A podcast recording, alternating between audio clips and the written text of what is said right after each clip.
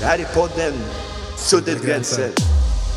Yes, då är vi tillbaka i podden Sudda gränser. Och det är Doggelito och 19 och vi har en gäst med oss. Välkommen hit. Tack så mycket. Vad heter du? Jag heter Igor Duvnjak. Eh, Jag är 33 år gammal och är från Norrköping. Idag är du aktiv inom idrottsvärlden nere i Norrköping Det stämmer. och du jobbar som Jag jobbar för en elitförening som heter IK Sleipner. Eh, Jag är ungdomstränare i U19. Eh, Och eh, jag jobbar på en skola som elevassistent och elevcoach. Och jag jobbar aktivt med ungdomar för att förändra, eh, förändra och förbättra samhället. Precis. Men om vi ska gå tillbaka i tiden då och eh, först måste vi ta reda på var, var du uppväxt någonstans och var, var kommer du ifrån? Eh, Jag kommer från eh, före detta Jugoslavien, republiken Bosnien. Eh, jag föddes 1984 och jag växte upp i staden Banja Luka, norra Bosnien, i i kommunistsystem under regimen Tito. Och eh, min, ja, min uppväxt var ju liksom, det var ju okej, det var bra liksom. Och det var strikta regler under hela uppväxten. Och, men sen, sen kom ju kriget liksom, så jag upplevde ju eh, 90, från 90 till eh, 94 upplevde jag ett krig. Eh, som, som satte sina spår. Hur eh, kan du beskriva lite några händelser från kriget och sånt där? Minns du någonting från den? Ja, jag var ju, jag var ju sex, sex år liksom och ungefär. Ja, jag minns några händelser. Jag minns en specifik händelse liksom när, eh, när jag var, eh, vad fan, jag var ju fem, fem sex år. Eh, när jag skulle gå ut och leka liksom, då låg det en eh, död kvinna liksom, utanför min dörr. Liksom. Det var min första syn på en död människa. Hon var strypt och våldtagen. Liksom. Och den, sitter, den bilden sitter än idag. Liksom. Jag kan fortfarande komma ihåg den ansiktet liksom, och den, den händelsen fast jag var så liten. Mm. Eh, Men förutom, förutom det här, alltså det måste ju varit ganska läskigt. Det är klart att det där hänger kvar. Jag menar, saker och ting som jag har gjort när jag har bråkat och gjort illa folk så det minns ju jag idag också. Så det är klart att det hänger väl kvar någonstans liksom så man får ta upp och bearbeta lite grann. Men eh, annars när du växte upp, alltså ni gick i skolan, funkade liksom systemet ordentligt när under krig och så?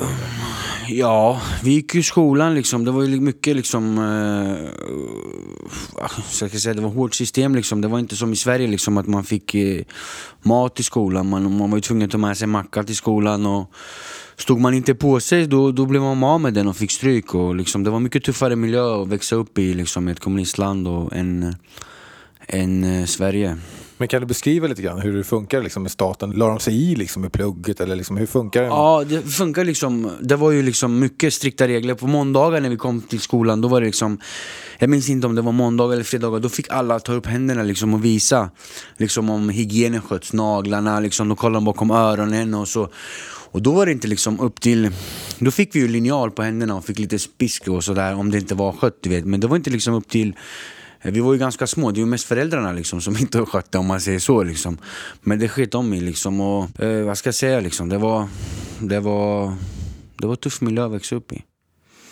Och sen, eh, vad hände sen? Du befinner dig ju, bor i Sverige idag med din familj och, och Sen så. hände det att det blev krig i, eh, i, i hela Jugoslavien då.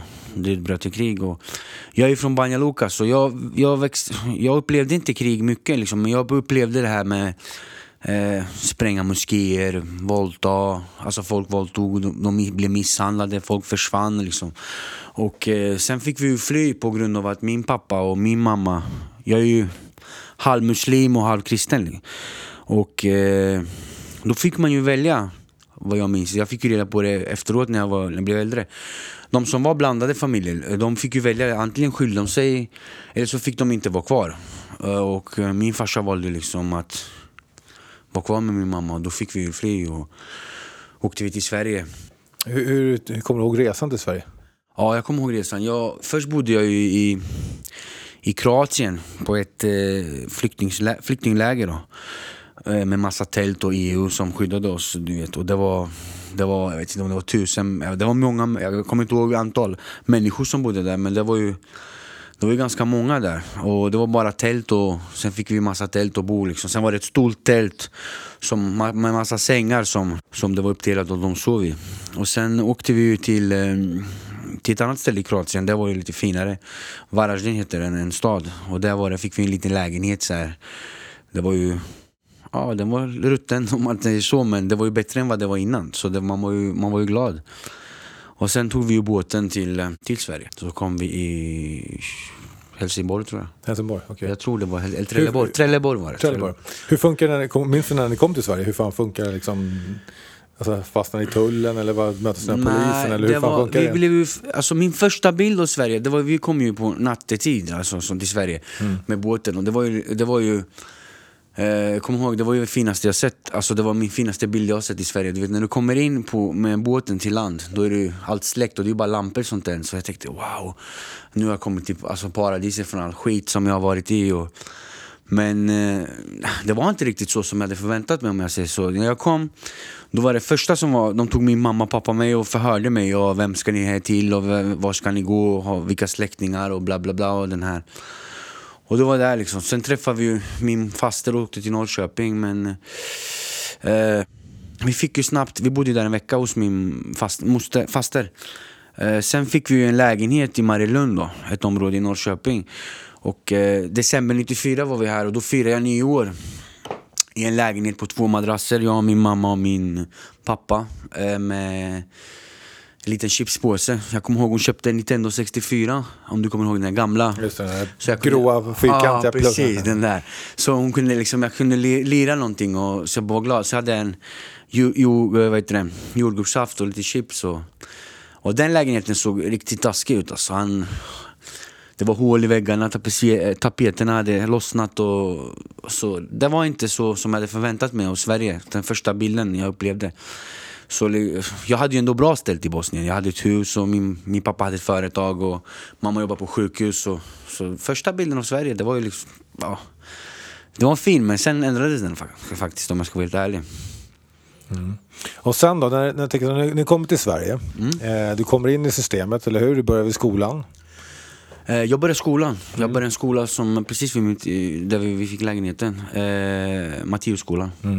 Och hur funkar det liksom med anpassningen? Liksom, kände du liksom, är det liksom klassiskt så här, ja, nu kommer massa invandrare hit och bla bla bla, det är massa problem med skolan och sådana saker. Eller hur upplevde du liksom själva den där Alltså, prylen? från, från början i min skolgång, då var det, ju- då var det ju lite fel, alltså, om jag ska vara helt ärlig. Så liksom, inget illa, eh, nu, nu, jag är ju inte liksom på rasism på något sätt och, eller fördomar för någon. Liksom. Men i mitt land har vi växt upp att romer är eh, liksom, de, eh, de är för sig och de får bo på ett annat område och de blandas inte med oss eh, som är bosnier och, och eh, serber och kroater. Vilket jag tycker är fel. Eh, men det var inte fel på min alltså, Det var ju bara systemet som hade lärt upp oss så. Och då kom jag i en eh, svensk skola, svensk klass och eh, får börja förberedelseklass för jag kunde inte svenska. Och då i den förberedelseklassen då, då var det bara romer. Eh, bara romer och eh, då, det blev fel från början om jag säger så. Och eh, då byggde jag mig en mur. Eh, visste inte riktigt hur jag skulle hantera det. Då började ju problemen med bråk och liksom allt Men det här. eh, hur, är- alltså, förklarar liksom inte lärarna och skolan liksom att ni kommer till ett land, det är de här värdegrunderna som gäller. Här jobbar vi tillsammans och vi liksom går i samma, samma klass och sånt där. Fanns det någon sån här introduktion? Nej, inte vad jag kan minnas alltså. Överhuvudtaget. Det fanns ingenting. De hade inte så... Jag tror inte de... De blev tagna lite på sängen om man säger så i Sverige. För de tog för mycket in- eh, invandrare från Balkan. De visste inte riktigt vad som pågick där nere. Så de blandade ju oss allihopa. Eh, vi från Serbien, vi från Bosnien. Och det satte ju sina spår även här i skolan. Jag kommer ihåg Bosnien accepterade inte mig på grund av att min mamma, min pappa är ju katolik. Och, eh, och, och då... Eh, då var ju, jag äter ju gris Ja. Eh, och muslimerna äter ju inte gris. Och då var det, eh, då var det så här att, "Ja, men äter du gris din, ditt svin? Och då var det, då var det ju bråk direkt. Och jag tog ju för mig, jag var ju jag var ändå busig och sådär, kommer från en förort där nere. Och, så det var bråk och svenskarna tog inte emot mig för att jag var blatte. Så det var lite så här ensamvarg och det fanns inte mycket att göra. Du kände lite utanför eller? Ja, det gjorde jag. Ja. Lite grann faktiskt. Och sen då när du, när du går vidare i livet då, och du blir lite äldre, du går, ur- du går ur lågstadiet och mellanstadiet, högstadiet. Händer något speciellt i skolgången? Är det någonting som påverkar det där? Eller är det fortfarande det här att du känner att du känner dig utanför och så kanske man hamnar i en jävla grej att man hamnar med bråk och sen blir man känd för man slåss och du vet hela det där stuket liksom? Ja, eller? det blev ju lite så liksom. Att det, var, det var my- mycket bråk. Ja, det, det blev lite så att det var mycket bråk. Och Blev du en känd som en kä- jag blev känd som en lite, lite Bråkstake, liten liksom. bråkstake, kämpe. Det blev lite kurator och hit och dit. Men det hjälpte ju ingenting om man säger så. Sen blev det ju bara värre och värre med det åren gick. Och, Hur är det med familjeförhållandet när, efter, efter den tiden när jag kom till Sverige? Alltså det, var ju, det är ju där, alltså jag, man ska inte skylla på saker i livet vad som har hänt men det är ju där liksom som jag upplever att, eh, eh, att eh, ibland livet tvingar dig till vissa handlingar. Om man säger så. Jag brukar, jag brukar säga att när det händer såna här grejer, jag har träffat hundratals Mm. ungdomar och framförallt killar vi jobbat med som har varit kriminella och sådana saker. Man brukar säga att det finns en knut på själen. Ja precis. Ja, att det är någonting som man får med sig liksom, i själen i, i, vidare in i livet. Liksom. Är det några av de här knutarna som dyker upp här under den här tiden? Ja, alltså min farsa liksom, han, jag fick ju mycket stryk hemma. Och eh, jag växte upp hela mitt ungdom med, med få stryk. Eh, och jag, tro, jag, jag visste inget annat, jag trodde, jag, jag trodde det var normalt. Och eh, när vi kommer till Sverige då, då känner han, hur ska jag förklara? Han känner ju sig misslyckad för att komma till nytt land och inte kunna fixa jobb. Han hade ju bilverkstad och företag där nere. Så han började dricka och, och föra för ut sin ilska på familjen hela tiden. Och, och då, då började min skola drabbas under tiden. Och då, jag, det var jag och mamma mot allt. Och det, sen börjar ju allting... Det är ju där det börjar. Det, det börjar ju hemifrån. Sen, sen ja. Om man eh, går vidare liksom så här, du har ju ändå blivit känd, du var inte bara bråkstake, du blev liksom känd som en, som en farlig ungdom liksom, som var en av de här värstingarna liksom, i området. Liksom, så här. Kan du berätta lite om, det är klart att känner man sig utanför så vill man ju naturligtvis söka en gemenskap någonstans. Och jag, menar, jag kan bara relatera till det själv. Va? Eh, Jag, jag hamnade också i utanförskap men jag sökte mig till olika gäng. Det var klack och det var musikgrupper och det var det ena efter det andra. Liksom, så här. Hur var det för dig? Sökte du dig till olika grupperingar? Ja, det gjorde jag. Det var väl mest för att man sökte en förebild. Liksom, man hade inte en förebild hemma. Farsan var inte den man ville vara och man fick inte den uppmärksamheten. Och, och det blev väl att man sökte sig till eh, äldre kriminella, och, och vilket jag gjorde också. Och till gäng och sådär. Det slutade med att eh, man, ja, man gick med i gäng och det blev som det blev. Sen, eh, sen, sen liksom... Sen var man inne där och då, då, då, då visste man inget annat. Man fick den här tryggheten om man säger så, eh, som du säger själv. Ja, jag upp- upplever liksom, lever man med människor som, som pratar våld och lever våld och, och droger och alkohol och sådana saker så tycker man att det är en del av vardagen. Man tycker inte att det är något konstigt. Liksom. Nej, var det så för dig också eller? Ja, det var det. Det, det, var, ju, det, var, ju, det var inget konstigt med det. Du, du vet, man vaknade ju och tänkte kriminellt och eh, levde kriminellt hela dagen. Det var helt normalt för mig. Kan du berätta lite vad kriminaliteten såg ut på? Var det liksom, handlade det om pengar eller makt? Eller vad, liksom, vad, vad var det för dig liksom, för Alltså, viktigt? Ja, det var, det var ju pengar och makt till att börja. Alltså, eh, makt var det först liksom. Det var inte pengar och det var... Var det lite så att du ville vara någon Ja, helt enkelt? ja det, var ju, det var ju respekt mest det handlade om. Att eh, Man ska sätta sin respekt och får man inte som man vill så får man göra, de, de ska göra som jag vill. Det var bara mest makt och sen Ja, eh, det var ju makt eh, till att börja med. Eh, det började med makt och respekt och att man lärde sig hemifrån väldigt tidigt att gör man inte som de vill slår man dem och så får man dem göra som man vill. Liksom.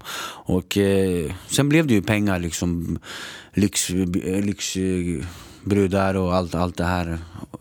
Du lever kriminellt liv, du är involverad i en massa händelser, du åker fast. Åkte du in någonting? Jag satt effektivt eh, sju år. Sju år? Sju år satt jag effektivt. Jag hade fem, fem eh, fängelsedomar. Eh, fängelsedomar. Jag hade, mitt längsta straff var fem och ett halvt år. Som jag tjänade på Kumlaanstalten. Får man fråga vad det var? Eh, försök till mord. Okej. Och nu pratar jag bara om mig själv som jag sa förut. Och jag, eh, jag såg svart liksom och eh, sköt eh, två personer på en öppen gata i Norrköping. Så du var alltså en av dem som man läste om i tidningen helt enkelt? Någon av skottlossningarna helt enkelt? Alltså. Ja, precis. Ja. Och det var mot andra som också Som också var kriminella. Ja, kriminella helt enkelt. Så det var en intern uppgörelse helt enkelt. Men det är ju faktiskt en hel del oskyldiga människor som drabbas av det där också. Hur, hur resonerar du på det? Eller hur, hur du säger så här, du är ju skillnad på nu och då, men hur resonerar du då? Alltså... I mitt fall var det inga oskyldiga som drabbades. eh, Liksom, och, eh, ja, man tänkte ju inte då. om, man, om jag säger så här, det var inte så att man tänkte på, man sket ju i helt enkelt och brydde sig inte om något och körde sin egen race. Nu när man tänker tillbaka då tänker man, what the fuck, vad, alltså, vad hände? Mm. Och... Eh, är det någon händelse som, jag menar, Eh, många jag intervjuar brukar säga så här, det var en specifik händelse där de kände så här, fy fan det här, nu får det vara nog, nu får det vara slut med den här skiten. Eh, eller flera sådana händelser som faktiskt gör att man tänker så här, vad fan håller jag på med liksom? Jag satt ju själv eh, häktad ja, en stund och satt eh, och funderade liksom på vad man höll på med. Sen man, när man kom ut igen så var man ju liksom, det var som en gammal LP-skiva, man gick in i samma spår igen. Men de som har faktiskt valt att vända från det här brukar säga att det hände det där, det hände det där. Hade du någon specifik händelse där du kände så här, fan nu får det vara nog? Alltså varje gång man satt ungefär, så då var, då var det som du säger, att då, då ska man sluta med kriminalitet, man ska förändras, man ska ta ansvar och så. Eh, jag fick ju väldigt tidigt barn, jag fick en son när jag var 18 år och, och eh, jag missade väldigt mycket av, av hans uppväxt. Och eh, alltså min, min vändning var ju min familj. Det, det, det är bara så. När jag, jag, när, jag, när jag insåg att de blir drabbade av det, vad det jag gör och eh, då, då, då klarar jag inte av det själv eh, mer. Och, och, och jag klarade inte helt enkelt att eh, se dem må dåligt. Och, eh, grejen var så här att jag, eh, jag hade träffat en underbar tjej som jag lever med idag, som jag har två barn med. Och eh, som stod med mig eh, hela vägen. Eh, från början till slutet. Hon är med mig än idag. Och eh, vi skulle få barn och då under all stress och press, jag var misstänkt för ett grovt brott. Och eh, eh jag var misstänkt för ett grovt brott och då då fick hon ett missfall som eh, beror på, på grund av stress. Hon är en sån människa som aldrig någonsin har tagit en drog i sitt liv. Hon har aldrig hon har knappt gått ut två, tre gånger. Hon är riktigt skötsam och så.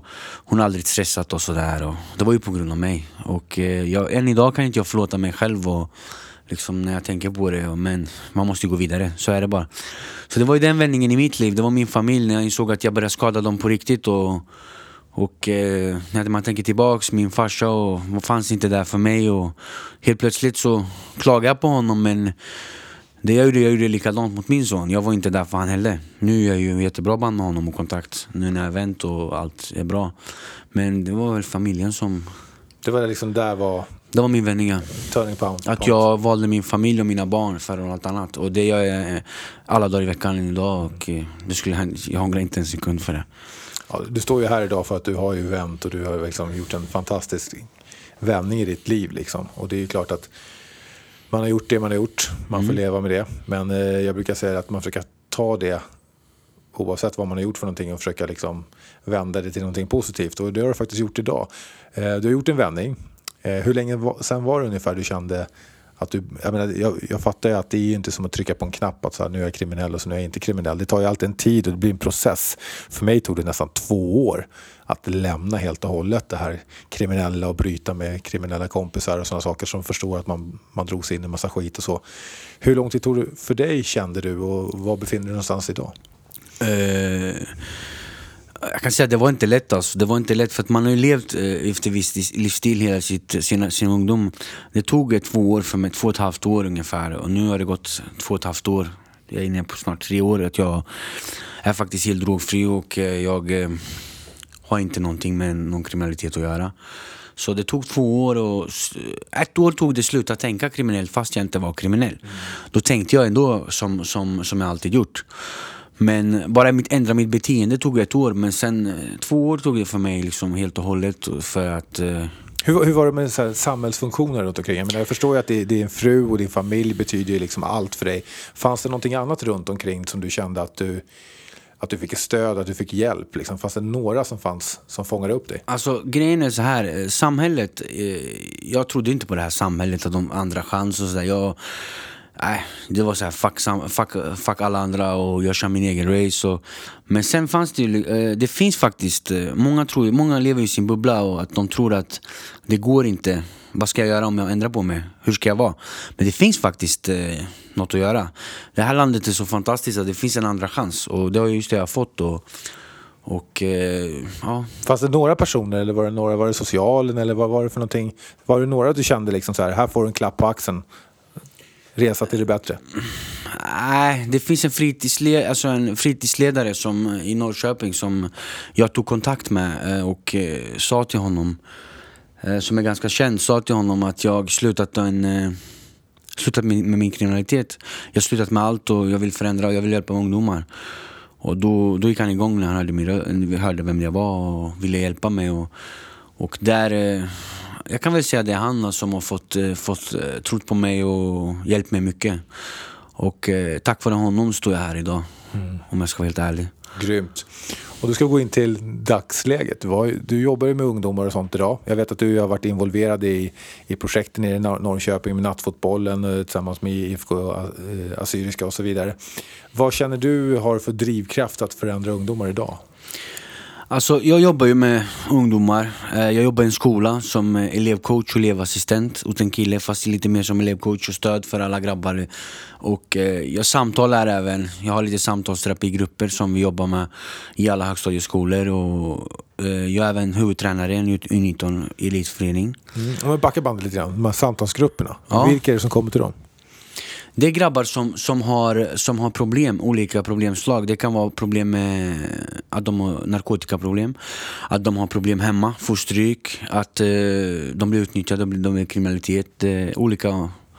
Att de är, ni, skapar, de- ni skapar forum för att ta upp de här problemen. Precis, Ja, alltså, visst. även nyanlända till Sverige som har kommit och anpassat sig till samhället. Och jag var ju också en gång i, i tiden nyanländ och anpassade mig och det gick fel för mig för jag inte kunde anpassa mig. Och då vill jag finnas där och förklara och hjälpa till de som är lite vilse liksom. Och, och, eh, Och hur, hur är de? Är de nyfikna eller är de, är de, ny, alltså, är de lyssnar de på det?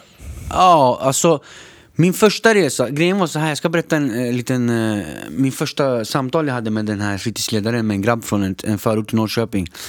Då var det min första samtal jag hade, jag hade Armando som var med mig också, en, en också som jobbar med eh, samtalsgrupper. Då satt vi i ett möte och då, då pratade vi med en kille och då berättade han liksom och så, så, så är det och bla bla bla och körde den här alltså, lögn, vita lögnen om man säger så. Jag läste ju honom genom hela och alla försö- sa sitt och ingen kom igenom honom. Jag pratade med honom fem minuter, då började han gråta och eh, han bröt ihop och, och, liksom, och sa till mig du, har, du är den enda som för, förstår mig och hans mamma var där och ingen Du är den enda som förstår mig, du vet hur jag är och så. Sen efter killen efter det här samtalet då började han eh, Han hade eh, 89% frånvaro från skolan. Då sä- sänktes den på till eh, 40 Och idag, idag spelar han fotboll i en fotbollsförening Min gamla lag som jag tränade, Assyriska IF eh, Han kom och började spela fotboll hos mig och började gå i skolan. Så han, idag sköt han sig och du vet Han är en av de som har lyssnat helt enkelt. han är de som har lyssnat. Och där, där, kom, alltså, där kände jag liksom wow, jag kan förändra. Och det, det var mäktigare än något annat. Och jag upplevt om jag ska vara helt ärlig. Eh, Och, eh, det, alltså, det, det går inte att beskriva liksom när du... Ja, jag ryser när man hör det. Alltså. det är ju, jag förstår den känslan, det är helt grym. Att man, Det går inte att beskriva den känslan. När du hjälpte en människa och du vet, när han blir äldre då kommer han alltid komma ihåg mig och säga att ja, det var han som ändrade, alltså hjälpte mig och du vet, och det, var, det går inte att förklara. En annan händelse satt jag i centrum tillsammans med Armando, min centrum där jag bor och vi handlade och pratade lite. Då kommer en kille liksom och kollar på mig snett, en eh, arabisk eh, ursprung. Och jag tänkte, jag, man är alltid paranoid sen gammalt. Och, vad fan är han? Vad, vad kollar han på? Så kollade jag tillbaka och tänkte, vad glor han på? Det? Så kollar han ett tag, så kommer han fram och bara tar upp tummen och säger Grymt jobbat, jag har hört. Grymt jobbat, du gör ett bra jobb. Och jag har aldrig sett honom i mitt liv, jag vet inte ens vem det är. Då har han, eh, känner han min lillebror och du vet, på den här biten. Och, och den, den, eh, alltså det var mäktigt. Jag, att sån här, det var mäktigt om jag säger så. Jag är alltid van att folk ska hälsa på mig för att de är rädda. Om jag säger så. så här, här är det faktiskt människor som, du, till skillnad mot skolan, här blir du sedd på något positivt sammanhang, eller hur? Precis. Ja, Ja. Grym känsla. det, Ja, det, det är bästa känslan som riktigt finns. Bra, riktigt bra. Så det, det är bästa känslan som finns faktiskt. Och, eh, Ja, det är grymt. Sen, hör sen. Liksom. sen tog jag över ett lag i ett förort i Hageby i Norrköping, Assyriska. Japp. Eh, det är första gången jag tränar dem. Jag förvandlade dem till vinnare och vi vann eh, serien och så det var också en, en sjuk resa. Och eh, bara där, då hittar man sig själv. Då kan man jobba med ännu mer med ungdomar. Liksom, dra dem till fotboll och, och involvera dem i något positivt. Och Så jag vet inte, det var... Nej, det grym inte att beskriva. och framförallt grymt det du håller på med idag. Ja. Men vad har du för visioner? Vad har du för målbild och vad, vad känner du fan? Ska, ska du ta över världen eller? Ja, nej, mitt mål är ju, alltså jag håller ju på att jobba med lite projekt och samtalsgrupper i alla högstadieskolor och eh, föreläser runt om i Sverige. Eh, utbildar lite pers- eh, personal och sådär. Och mitt mål är ju att, att eh, förändra och kunna kunna vara där och, eh, som en hjälpande hand till de grabbarna som, inte, som var vilse när jag var där. Som jag var en gång en grabb och alltså inte störa någon i, i någonting annat. Bara vara en hjälpande hand till de som vill ha en hjälpande hand. Och, och eh, med min erfarenhet som jag har, jag vet att jag kan förändra många ungdomar. Och, så skapa projekt och eh, föreläsa runt om i förorterna och eh, hoppas på en förbättring. Att alla fall av 100 räddar jag fem, då är jag nöjd. liksom. Och, eller jag är inte nöjd men då har jag gjort något bra i alla fall. Och, eh, lyckas jag få ta, ta ut en grabb till Europa eller två, till exempel proffskontrakt, nu jag tränar ju 19-lag, då är jag nöjd där också. Så ja, det är min vision och mål. Så jävla starkt av dig att berätta din story. Och stort jävla tack för att du kom hit till Sudda Gränser. Tack så jättemycket själv för att vi fick komma. Det var en jätte... Och lycka till med fortsatt jävligt bra arbete. Tack så mycket. Respekt. Tack. tack. Det här är podden Suddet gränser.